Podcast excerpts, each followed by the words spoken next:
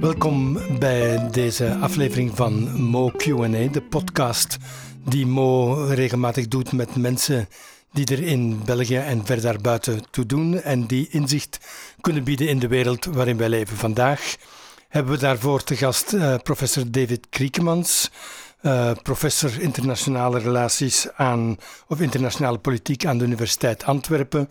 Geeft ook les aan uh, het University College Roosevelt in Middelburg en aan het Geneva Institute of Geopolitical Studies. En is nog visiting professor op een aantal andere plaatsen. Maar is vooral ook regelmatig uh, een, iemand die bijdrage levert aan Mo om inzicht te geven in de verschuivende wereld. En over die verschuivende wereld heeft hij net een boek uit dat uh, de mobiliserende titel draagt: Geopolitieke kanttekeningen 2011-2018. En daarna een wereld in volle geopolitieke transitie.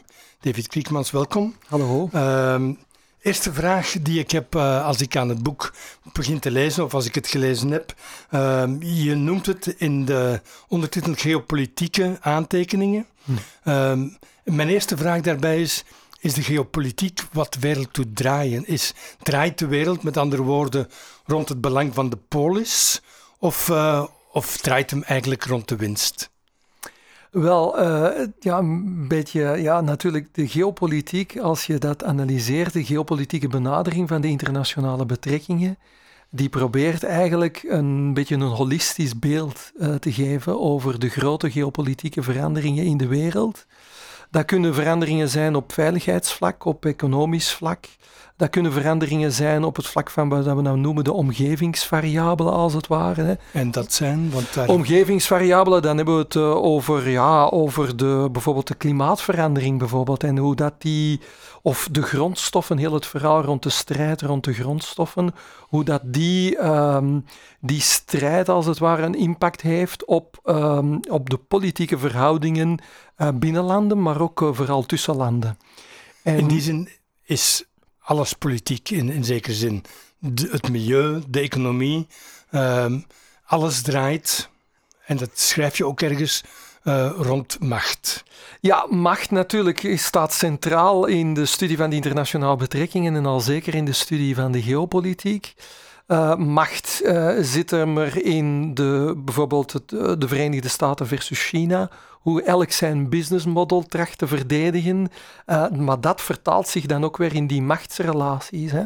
Op veiligheidspolitiek vlak zie je hetzelfde nu met uh, de strijd tussen uh, Rusland en de VS weer opnieuw en de opkomende opbodpolitiek wederom opnieuw.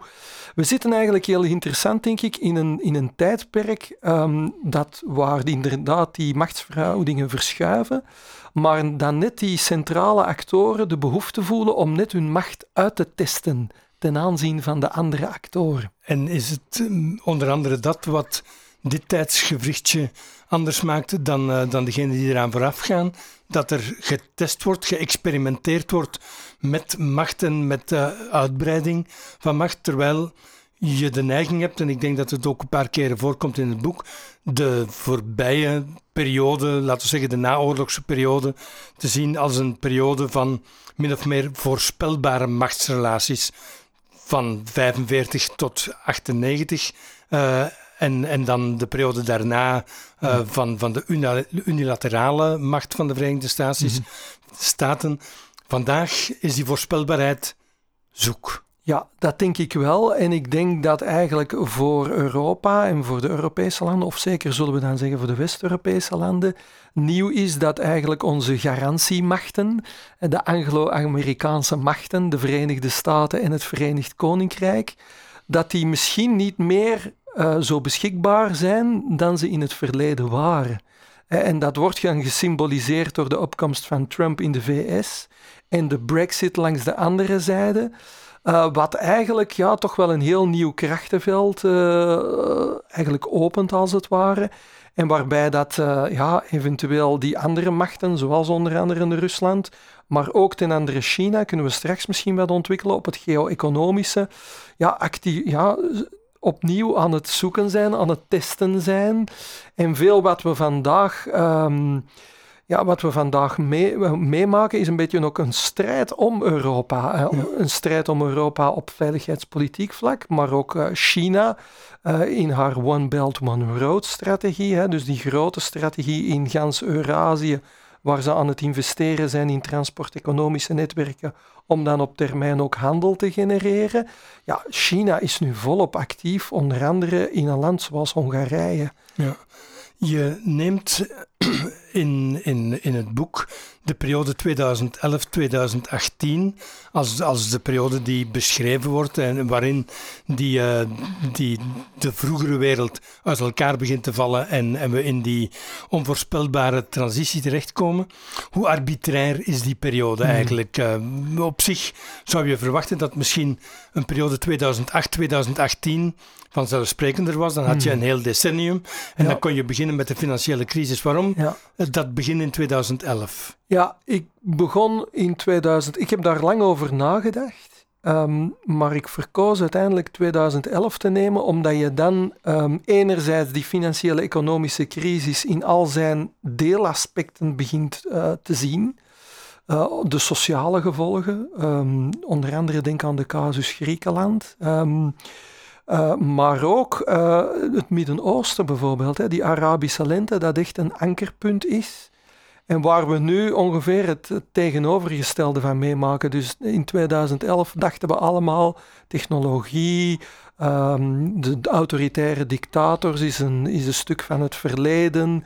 Uh, er komen hervormingen, er is een jonge bevolking die gaat die hervormingen een beetje in 1989 als het ware. Dus dat was een beetje mijn idee. Um, leven we niet voor een stuk... Enfin, 2011 was de hoop dat er een nieuw 1989 zou komen, onder andere in Noord-Afrika, in het Midden-Oosten. En vandaag maken we het tegenovergestelde. Maar jij schreef ook in 2011 al dat die hoop wel heel precair was. Dus het is niet zo dat iedereen uh, de zon zag opgaan in het oosten. Er waren er die de wolken al zagen hangen. Jeff Lambrecht heeft dat ook van in het begin heel duidelijk aangegeven. Ook andere auteurs waren toch wel meer terughoudend. Misschien ook de reden waarom bijvoorbeeld destijds president Obama ook niet meteen uh, uit zijn stoel opsprong om de komst van de democratie te verdedigen. Ja, absoluut. Ik, ik, ik, ik herlas en ik heb het ook in het boek geïntegreerd, een stukje van dat ik echt, echt tijdens die Arabische lente schreef. En daar uh, zei ik zelf ook al dat uh, ja, als we te lang aan de zijkant zouden staan, als we ja, niet voor een stuk die, die, die, die democratiseringsgolf ook politiek zouden steunen, maar echt van onderaf die bewegingen, uh, dat dan alle moeite misschien voor niets zouden zijn en dat er een soort van contra-revolutie zou plaatsvinden met burgeroorlogen en alle andere. En helaas is die voorspelling uh, bewaarheid geworden. We merken inderdaad ook dat een Obama een jaar voordien hè, die zogenaamde Cairo-speech gaf. Ehm, waar hij het net had over het, uh, het, ondersteunen van democratische bewegingen in de regio. Dat vindt dan plaats eerst in Tunesië, dan de Egyptenaren nemen dat voor een stuk over. Maar dan zie je de VS toch heel terughoudend zijn en eigenlijk initieel het Mubarak-regime eigenlijk eh, blijven steunen en pas maar in een latere fase eigenlijk een kanteling te maken. Dus ja, daar voel je ook wij, als we dan bijvoorbeeld kijken naar die Libische oorlog, het, een stuk een stuk van het, het Frans-Britse antwoord toen uh, is geweest om met militaire macht te proberen dan verandering in de regio teweeg te brengen.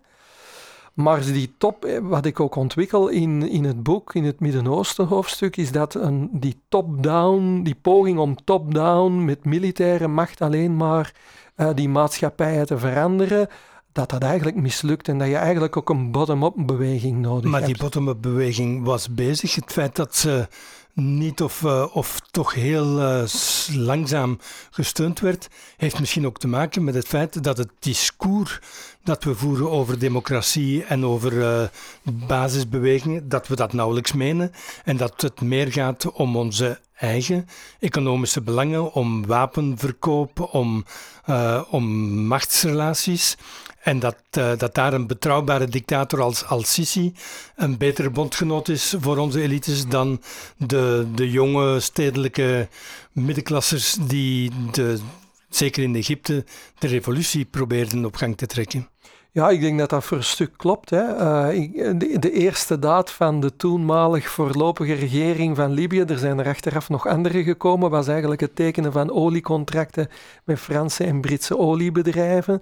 Ja, en het lijkt dan inderdaad vooral te gaan om voor een stuk in, uh, voor het Westen dan in het uh, ja, proberen te stabiliseren van die economische relaties. En uh, het dan terug te grijpen dan maar naar de sterke leider die, die het dan allemaal voor ons voor een stuk in eigen handen zal houden. Um, maar dat heeft denk ik voor een stuk ook ja, die democratische bottom-up beweging afgeblokt. En die zit nu in een totale impasse in verschillende van deze landen. Je maakt referentie in het boek, maar ik weet niet of dat je het voldoende sterk uitwerkt. Maar mm -hmm. 2011 was met het afzetten van, uh, van uh, Gaddafi in Libië was eigenlijk in zekere zin ook het begin van de, van de Syrische ja, oorlog en het debakkelen dat daaruit voortgekomen ja. is. De, de Russische en Chinese reactie ja. op de uitbreiding van het uh, VN-mandaat die eenzijdig gebeurde door de NAVO, Juist. heeft ons in de ellende gestort in Syrië toch? Ja, absoluut. Ik maak die, ik maak die koppeling zeer bewust. En, en je voelt dat ook als je met uh, Russische of Chinese diplomaten daarover spreekt. Die menen eigenlijk. Uh, we moeten dan even terug hè, naar 2011 over uh, de, de Frans-Britse interventie. Op dat moment is meneer Gaddafi in het oosten van het land, in Benghazi, die opstandelingen aan het bombarderen. En het is eigenlijk meneer Sarkozy die in de schoot van de VN-veiligheidsraad er gaat voor zorgen uh, dat er een mandaat komt, maar op basis van een zogenaamd nieuw principe Responsibility to Protect. Dat een paar jaar oud is. Dat... dat op dat moment ongeveer een aantal jaren oud is, 2005, op de algemene vergadering uh, in New York uh, aangenomen. Ook met algemeenheid van stemmen, als ik Met algemeenheid van stemmen als een principe om te zeggen op, in een, op een moment dat een land niet bereid is of niet in staat is om zijn eigen burgerbevolking te beschermen, dan kan de internationale gemeenschap zich in haar plaats stellen. Dat principe op zich is zelfs ook een gevolg van onder andere de vele crisissen, denk maar aan de Rwanda-crisis, Somalië en Bosnië. Bosnië enzovoorts. Dus dat is dan geconsolideerd in dat principe. Dat is voor de eerste maal gebruikt geworden in resolutie 1973 hè, van de VN-veiligheidsraad. De Fransen en de Britten nemen de lead. De Russen onthouden zich in dit verhaal. Dus het kan allemaal doorgaan. Maar dan weten we nu, en er zijn ondertussen voldoende bewijzen voor, uh, dat de, de, Britten, maar vooral ook de Fransen, dat die eigenlijk veel meer doen dan het louter beschermen van de burgerbevolking. Ze gaan die oppositie organiseren. Um, ze gaan wapens leveren. Ze gaan zelfs, bij wijze van spreken, de plannen maken. En er zijn ook een aantal aantijgingen die zeggen dat misschien zelfs de Franse uh, militaire inlichtingendienst misschien wel eens achter de moord op Gaddafi zou gezeten kunnen hebben. En op dat moment is dat een kantelpunt voor de Russen. Want de Russen, in hun interpretatie, we hoeven er niet noodzakelijk mee akkoord te zijn, maar dat is hoe, hoe zij deze crisis interpreteren. Ze zeggen van ja, maar jullie zijn veel verder gegaan dan het mandaat dat jullie gekregen hebben. En eigenlijk, uh, westerse landen, herinterpreteert u dat weer in die klassiek geopolitieke machtstermen. En ze verwijzen dan naar die oliecontracten die getekend zijn met Franse ja. en Britse bedrijven. Kan je dan zeggen dat, uh, dat de NAVO in 2011 dat principe responsibility to protect min of meer definitief getorpedeerd heeft, onbruikbaar gemaakt heeft voor de komende jaren? Goh, um, het is beschadigd geworden en bekeken even vanuit de VN moeten we dan vaststellen dat dat principe er wel is, maar dat de operationele uitvoering daarvan, hoe en onder welke omstandigheden dit moet gebeuren, dat het eigenlijk niet geformuleerd is en dat er inderdaad een gevaar is dat dat principe, ja, dat dat nu beladen is, hè, dat dat een beladen term, een beladenheid heeft gekregen. Want voor de Russen, nogmaals, als je naar hun stemgedrag gaat kijken, want op dat moment in 2011 begint ook die Syrische crisis zich te ontwikkelen, trouwens ten andere, en dat is ook een element van die nieuwe wereld en de omgevingsvariabelen. Een aantal jaren voordien zijn er ook mislukte oogsten, onder andere in Syrië. Er is een, ook als gevolg van die Arabische lente een, een opstanden, vooral onder Sunni, uh, in Syrië, die hervormingen vragen. Die denken dat meneer Assad eigenlijk een hervormer is. Maar Assad gaat er dan heel hard op reageren. En net op dat moment, je ziet daar een correlatie, dat de Russen hun stemgedrag in de VN-veiligheidsraad gaan wijzigen en gaan vetoen. En je krijgt eigenlijk een split.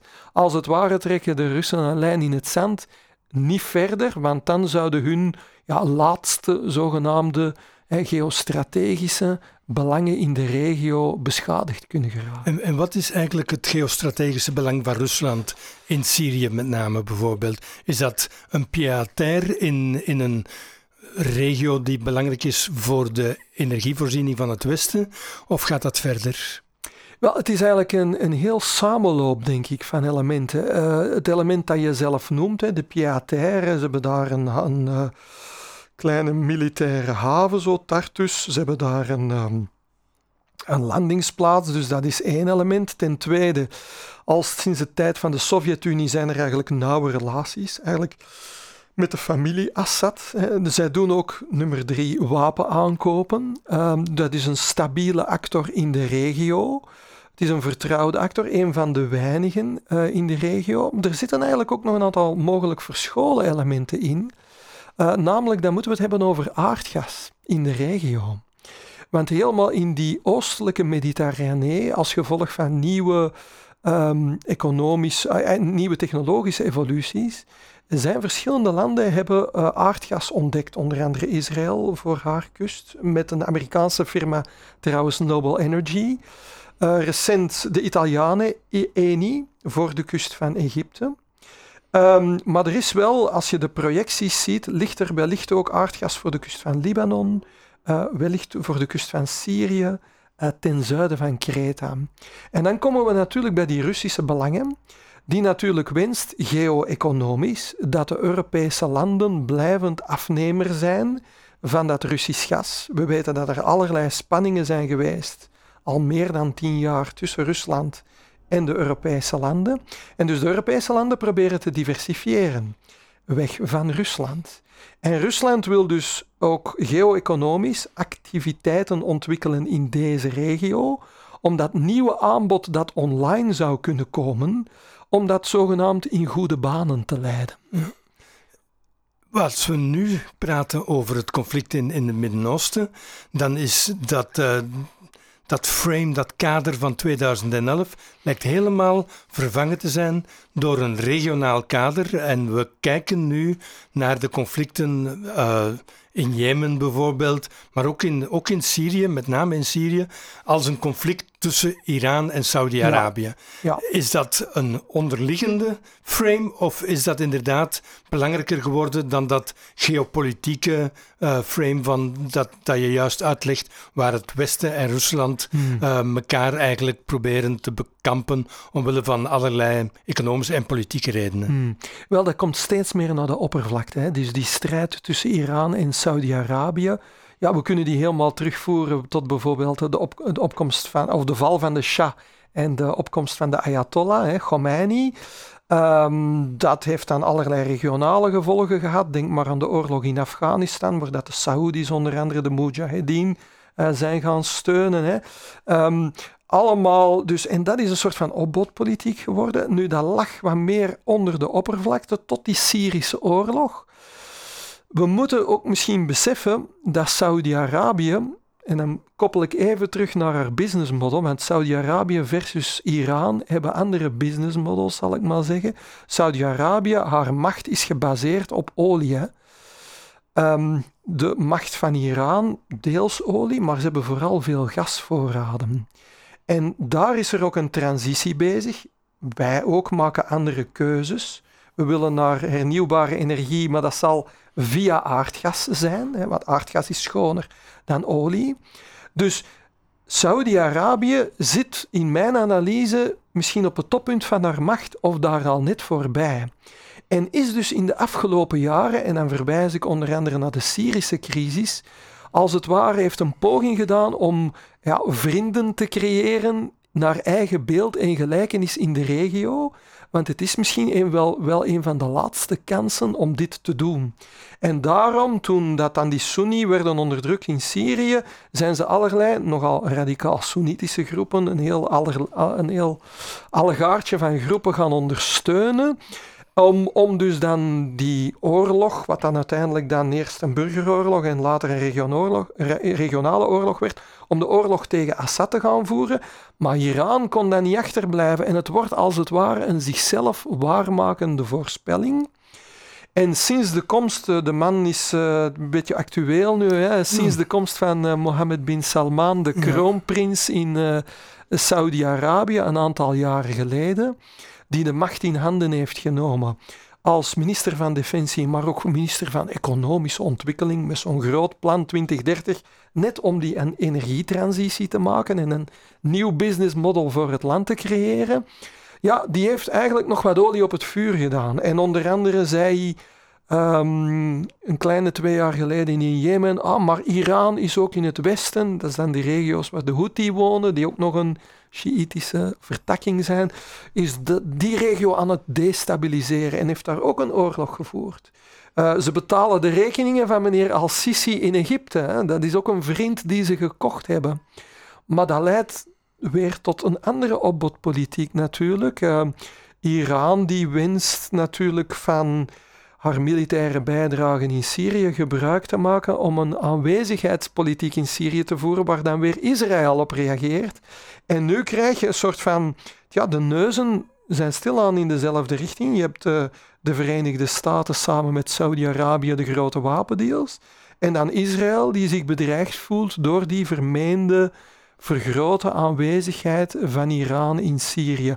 Dus alles lijkt nu inderdaad steeds meer door dat prisma Iran, Saudi-Arabië gezien te moeten worden. En uh, hoe zwaar weegt daarin uh, de sectarische tegenstelling? Want er zijn mensen die, die toch vooral nu zeggen het is een, een oeroud conflict tussen Shiiten en Soenieten. Ehm, in wat ik van jou lees, heb ik niet de indruk dat jij dat een, een voldoende zwaarwegend perspectief vindt. Ja, dat is één element, hè, dat sectarische. Maar heel bewust verwijs ik ook in mijn analyse onder andere naar het businessmodel van landen. Dus speelt niet alleen. Vaak wordt hè, de islam, of het nu de Shiïtische of de Soenitische is, ja, gebruikt als een instrument om de massa te mobiliseren. Hè. Um, je ziet dat heel duidelijk. Um, maar er zijn onderliggende andere aspecten die meespelen. Zeker ook hè, dat businessmodel van Saudi-Arabië dat neer, aan het neergaan is waar Iran dan een opportuniteit ziet. Een ander element, uh, historisch, dat, uh, dat zeker naar de oppervlakte gekomen is uh, in, in de periode 2014, denk ik, is dat het niet teruggaat op een conflict van 79, maar van, van 100 jaar geleden. De, de opdeling van het Midden-Oosten door de Britten en de Fransen bij de zogenaamde decolonisering van, van de regio. Wat dan eigenlijk een beetje de, de raison d'être werd van de islamitische staat ook. Uh, en, en het appeal ook uitmaakte van, van die beweging. Zeker voor ze massaal en sadistisch begonnen te moorden. Hmm.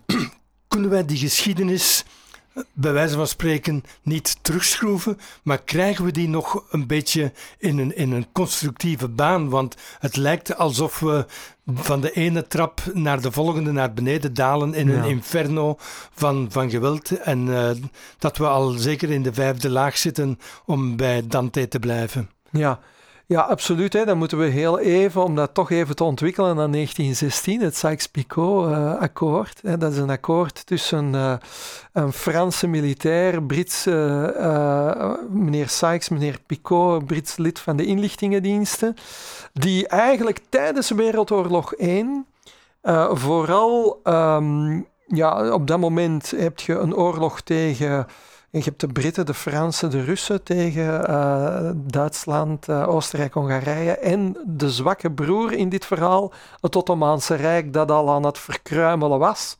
En eigenlijk zijn het de Fransen en de Britten die onderling met elkaar eigenlijk al heel de taart verdelen van het Ottomaanse Rijk Als je naar de grenzen kan zien, nu Syrië, dat was al een provincie in het Romeinse Rijk, hè, maar dat, dat, uh, dat ligt in de Franse invloedssfeer, het noorden daarvan, dus het huidige Turkije, Anatolië, Franse invloedssfeer. Irak is een creatie van de Britten, ook voor een stuk om toegang tot olie te krijgen. Uh, men voert daar ook een soort van verdeel- en heerspolitiek. In het ene land, in Syrië, mhm. zijn... Um, zijn de Sunnis in de meerderheid versus de Shia die dan met meneer Assad een hele alliantie van minderheden creëren om op die manier het land te stabiliseren. In Irak net het omgekeerd. Sunni in de minderheid, Shia in de meerderheid. Um, maar het is een soort van verdeel- en heerspolitiek, waar de Westerse, eigenlijk zijn we nog altijd bezig met het oplossen van de problemen van het Ottomaanse Rijk. Hè, want de Fransen en vooral de Britten hadden aan uh, koning Faisal doen toen destijds beloofd, hè, stuur troepen met ons en vecht tegen de Ottomanen. En, en Faisal gaan, was van het huis van Saud. Hè? Het huis Saud, hè. Dus, uh, wij, en wij geven u, wij geven u um, wij geven u als het ware dat koninkrijk Arabië. Maar achteraf blijkt dat er andere beloften zijn, uh, dat er ook beloften gaan over uh, eventueel uh, terugkeer van de Joden in datzelfde gebied. Dus bekeken vanuit de perceptie van mensen die er wonen, is er een stuk van verraad van de westerse politiek. Het Westen belooft iets, maar gaat achteraf iets anders doen. En misschien nog heel interessant, toen IS opkwam, ongeveer 2014, verwezen ze naar Sykes-Picot.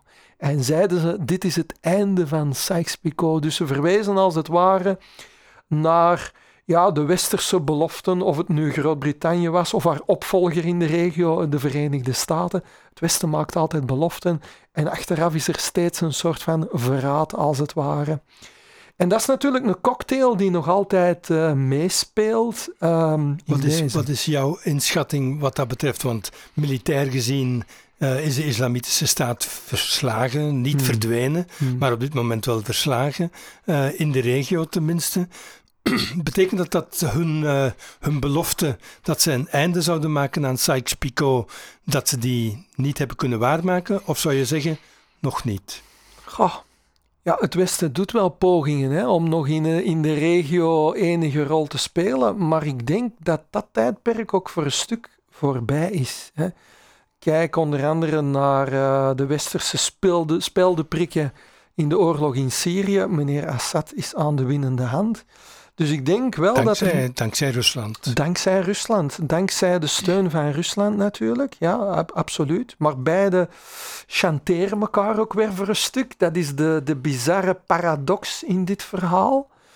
Uh, maar wat je wel ziet natuurlijk, is dat denk ik vooral uh, we toch in een nieuw tijdperk zitten waar eerder die regionale actoren zelf hun eigen uh, verhaal aan het schrijven zijn. Tegelijkertijd schrijf je in het begin van het boek uh, dat de, de grenzen tussen externe en interne veiligheid in Europa ja. of in de wereld, dat die vervaagd zijn. Ja. En IS is daar een voorbeeld van, omdat het niet alleen een, uh, een gelokaliseerde beweging was, maar een, een wereldwijd verspreide en zeker in Europa een sterk aanwezige appeal had. Um, dus kan je eigenlijk zeggen dat uh, of zou je dan zeggen dat voor een deel uh, de conflicten regionaler worden, mm -hmm. maar dat de, de tegenstellingen uh, juist mondialiseren en daardoor eigenlijk een moeilijke veiligheidsomgeving scheppen om nog te managen? Ja, absoluut. En dat is dan een zeer groot probleem voor de Europese landen natuurlijk. Hè.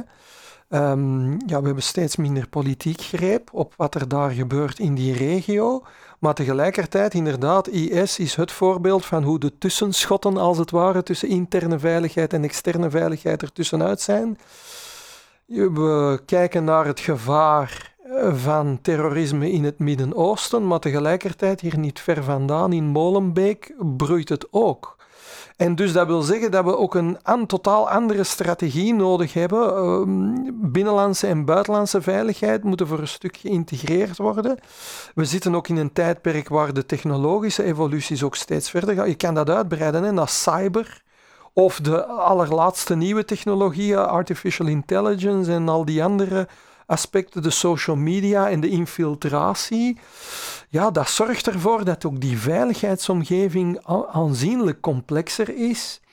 En natuurlijk, uh, de Europese landen daar dreigen in een soort van verdeelde spagaat te komen, want zij zijn het niet altijd erover eens over, over als het ware een gemeenschappelijke definitie. Hè. Wat zijn nu onze prioriteiten en hoe moeten we met ja, de verschillende partners, hoe moeten we daarmee omgaan? Er, is, er zijn twee grote scholen uh, als het gaat over de veiligheidsaanpak van Europa. Er is de school die zegt er is een echte overreactie. Uh, de ik-weiger-beweging, uh, die zeggen van die vingerafdrukken op mijn identiteitskaart, dat is gewoon misbruik maken van een reële dreiging of onveiligheid om, uh, om eigenlijk een veiligheidsstaat te installeren. De andere uh, kant roept dan van nee, er is een on onderschatting van de, de, van de reële bedreiging en wij zitten uh, met z'n allen te luisteren naar het orkest van de, op het dek van de Titanic terwijl hmm. het schip recht op de ijsschots afvaart. Hmm.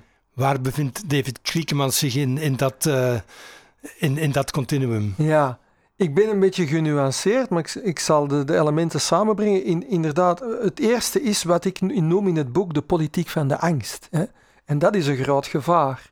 Hè, dat sommigen, um, zoals bijvoorbeeld in de Verenigde Staten ook is gebeurd met die Patriot Act, hè, of zoals misschien onder andere nu gebeurt in China met het social credit systeem omwille van terrorisme en allerlei andere veiligheid, dat men een soort van absolute veiligheid wil gaan creëren die uiteindelijk de vrijheid van de individuen in die staat als het ware erg bedreigt. Dat is een groot gevaar. Anderzijds is er een stuk van waarheid ook wel, denk ik, in het feit dat we ons in een nieuwe veiligheidsomgeving uh, bevinden. Hè. Vroeger, in de jaren 90, weet u nog, noemde men dat de broze vredesdividenden uh, van de jaren 90. Hè. Ja, die vredesdividenden zijn toch wat opgebruikt. We zitten in een nieuwe periode. Zijn die zelfs ooit ingezet? Is de vraag. Ja, dat is, een andere, dat is een ander element dat ook nog een beetje in het boek aan bod komt natuurlijk. Hè, want je had daar een opportuniteit in de jaren 90 om een, om een herdefinitie te creëren van de veiligheid, om, om partnerschappen te creëren, onder andere met Rusland.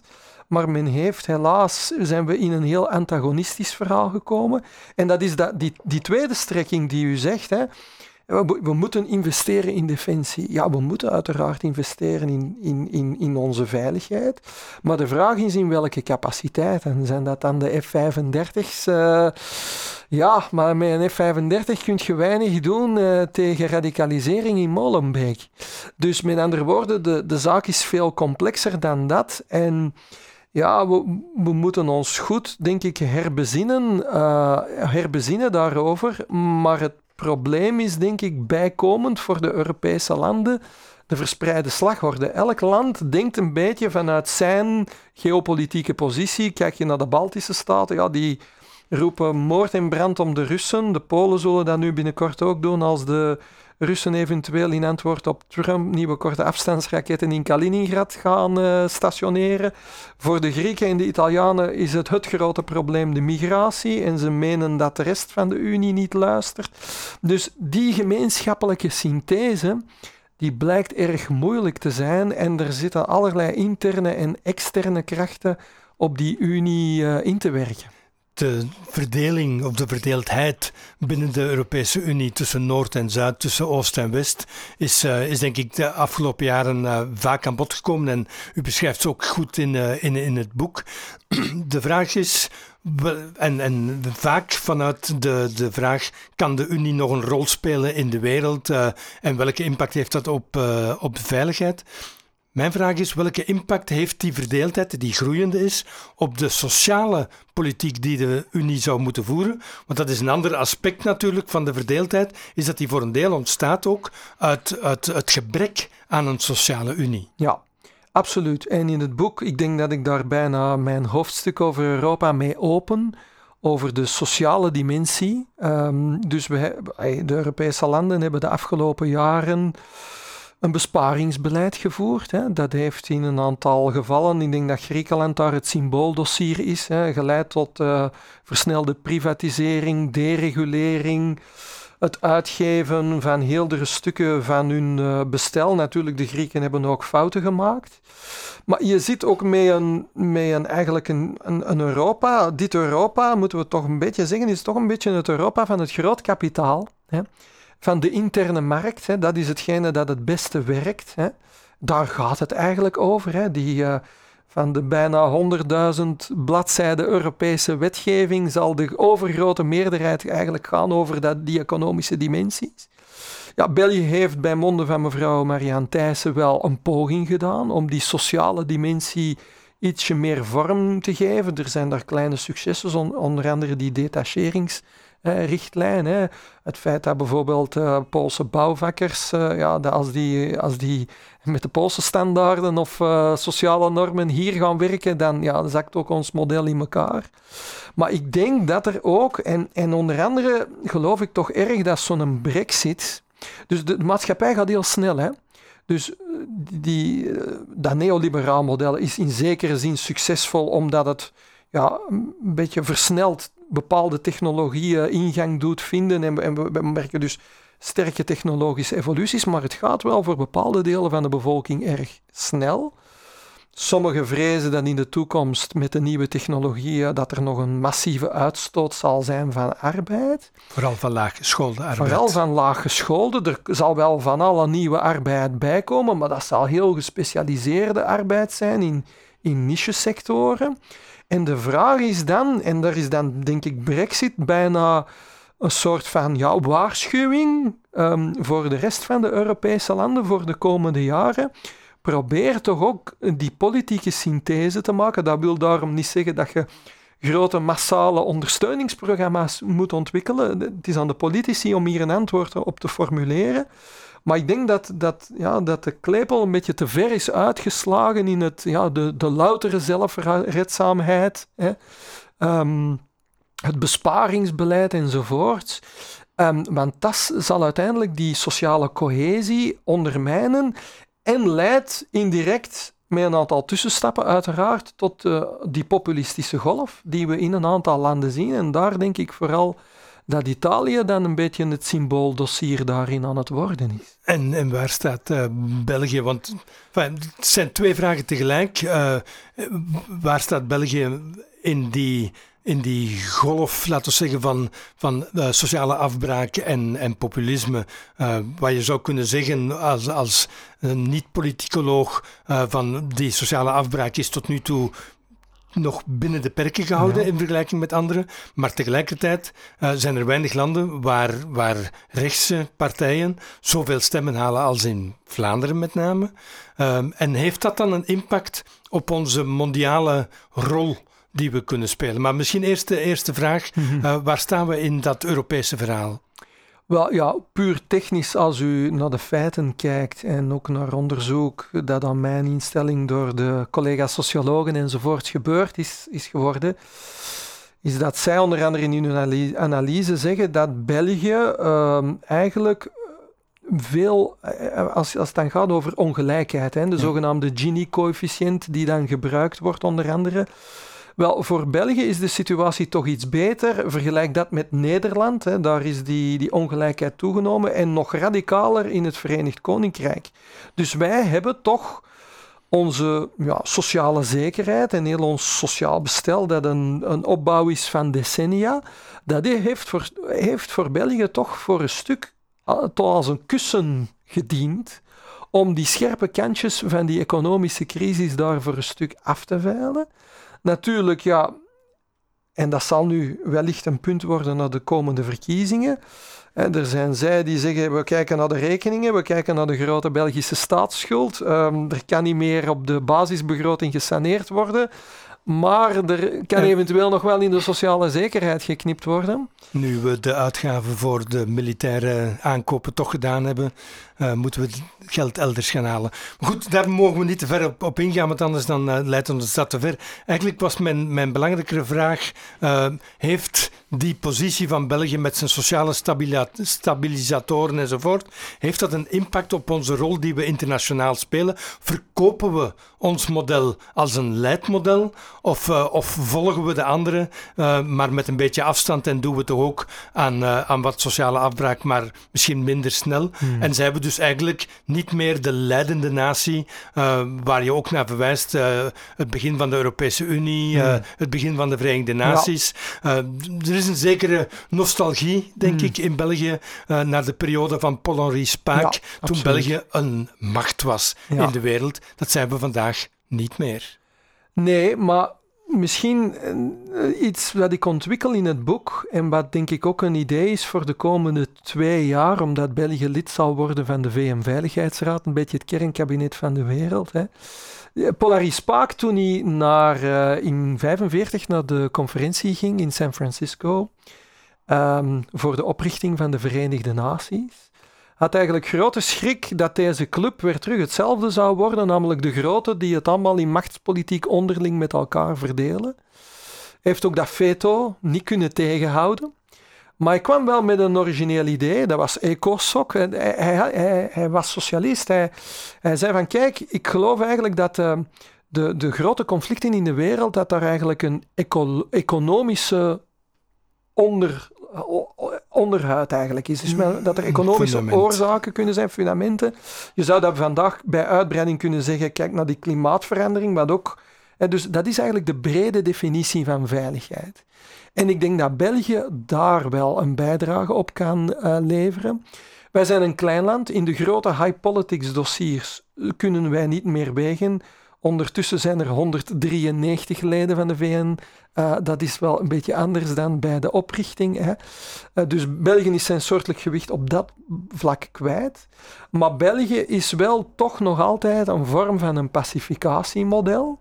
Met al zijn nadelen en, hoekjes en kantjes, maar toch um, waarbij dat we ook in onze diplomatie toch dikwijls voorbij de conflicten proberen te kijken en die conflicten te herdefiniëren. Naar de economische oorzaken te kijken, ecologische oorzaken.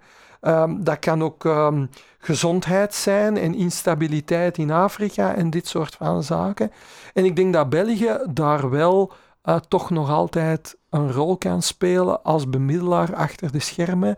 En hier en daar toch in niches toch een aantal zaken op de agenda kan zetten. Dus daarvoor is het noodzakelijk dat we ons eigen uh, model van, van loodgieterij en van, uh, van knutselwerk en saai overleg en ingewikkelde instellingen, dat we dat overeind houden en, en weerstaan aan uh, de harde polarisering en de Twitterpolitiek die de wereld uh, stormenderhand inneemt. Ja, weet, weet je, we zitten in een ander tijdperk. Het is niet meer het tijdperk van Jean-Luc Dehane, die de ministers kon uh, opsluiten op Hertoginendal. Uh, we zitten in een instant diplomacy, in een instant politics. Dat maakt het moeilijk voor dat soort van modellen. Um, maar ik denk dat het toch nog altijd, of uh, dan kunnen we een heel debat gaan voeren over federalisme versus confederalisme, dat gaan we hier niet doen. Hoe dan ook, in deze Belgische gebieden, zullen we maar zeggen, zal er toch altijd een of andere politieke synthese gemaakt moeten worden. En vooralsnog hebben we dat toch altijd gedaan uh, zonder geweld. En ja. ik denk dat dat onze bijdrage is. We moeten nog even naar China. Uh, we, je hebt het daar straks zelf aangegeven. Uh, het definiërende conflict van deze periode, zei Kevin Rudd mij een paar weken geleden in New York, de voormalige uh, eerste minister van Australië, die nu uh, gedoctoreerd heeft op uh, Xi Jinping. Hmm. Um, en hij zegt het definiërende conflict is tussen de Verenigde Staten en China. en, en mijn vraag is. Um, de, dat hele project, die OBOR, die, een, of die, die nieuwe zijderoute, laten we het zo samenvatten, um, is eigenlijk het grote infrastructuurproject waardoor China zich probeert te verankeren, echt uh, economisch en politiek in Eurasië. Uh, er zijn mensen, en, en onder andere Rudd verwijst daarnaar, die zeggen eigenlijk overspeelt Xi Jinping zijn hand. Hij had eigenlijk, volgens de Chinese wijsheid van daarvoor, had hij nog zeker tien jaar moeten wachten om hmm. dit soort challenge uh, werkelijk te geven aan het Westen, want hij kan dat nog niet echt waarmaken. Ja, ja. Uh, het, lijkt er, het lijkt erop inderdaad. De man is nogal ambitieus. Hè? Probeert ook voor een stuk een intern economisch probleem op te lossen. Er is daar een overcapaciteit, uh, onder andere in de bouwsector enzovoort. Dat probeert hij nu heel slim al die elementen te combineren in die investeringen transport-economisch. Maar hij heeft daar sinds het 19e partijcongres ook een ambitie aangekoppeld. En die ambitie wordt duidelijker. Namelijk, het, uh, het gaat bijna over het op termijn creëren van nieuwe vrienden. Het, hij investeert in transporteconomische netwerken om stabiele economische relaties te creëren, maar om eigenlijk ook een soft power te creëren. Met andere woorden, die landen die dan economisch een invloedssfeer. Als u Griekenland bent en, of u Hongarije binnenkort en u krijgt zoveel geld van China, ja, dan gaat u wel twee keer nadenken vooraleer dat u uh, ja, stellingen inneemt uh, tegen China rond mensenrechten en maar, Maar misschien moeten we dat toch kwalificeren, uh, want je krijgt niet zoveel geld van China. Hè? China is, is geen uh, gulle donor. Hmm. het investeert, het leent aan voordelige rentevoeten enzovoort. Maar het gaat altijd om commerciële relaties die een win-win moeten opleveren, maar die wel commercieel blijven. Wat eh, bijvoorbeeld in, in Sri Lanka, uh, om te beginnen, en in zekere zin in Pakistan ook al, heel wat uh, verzet oproept, want dat creëert een nieuw schuldenprobleem op wereldschaal. Inderdaad, we hebben dat, de voorbeelden die u aanhaalt, waarbij dat de Chinezen eigenlijk blijken ja, eigenlijk, een, een nieuwe afhankelijkheidsrelaties te creëren. En als, de, ja, als die beeldvorming doorgaat, dan zou heel OBOR wel eens in elkaar kunnen storten.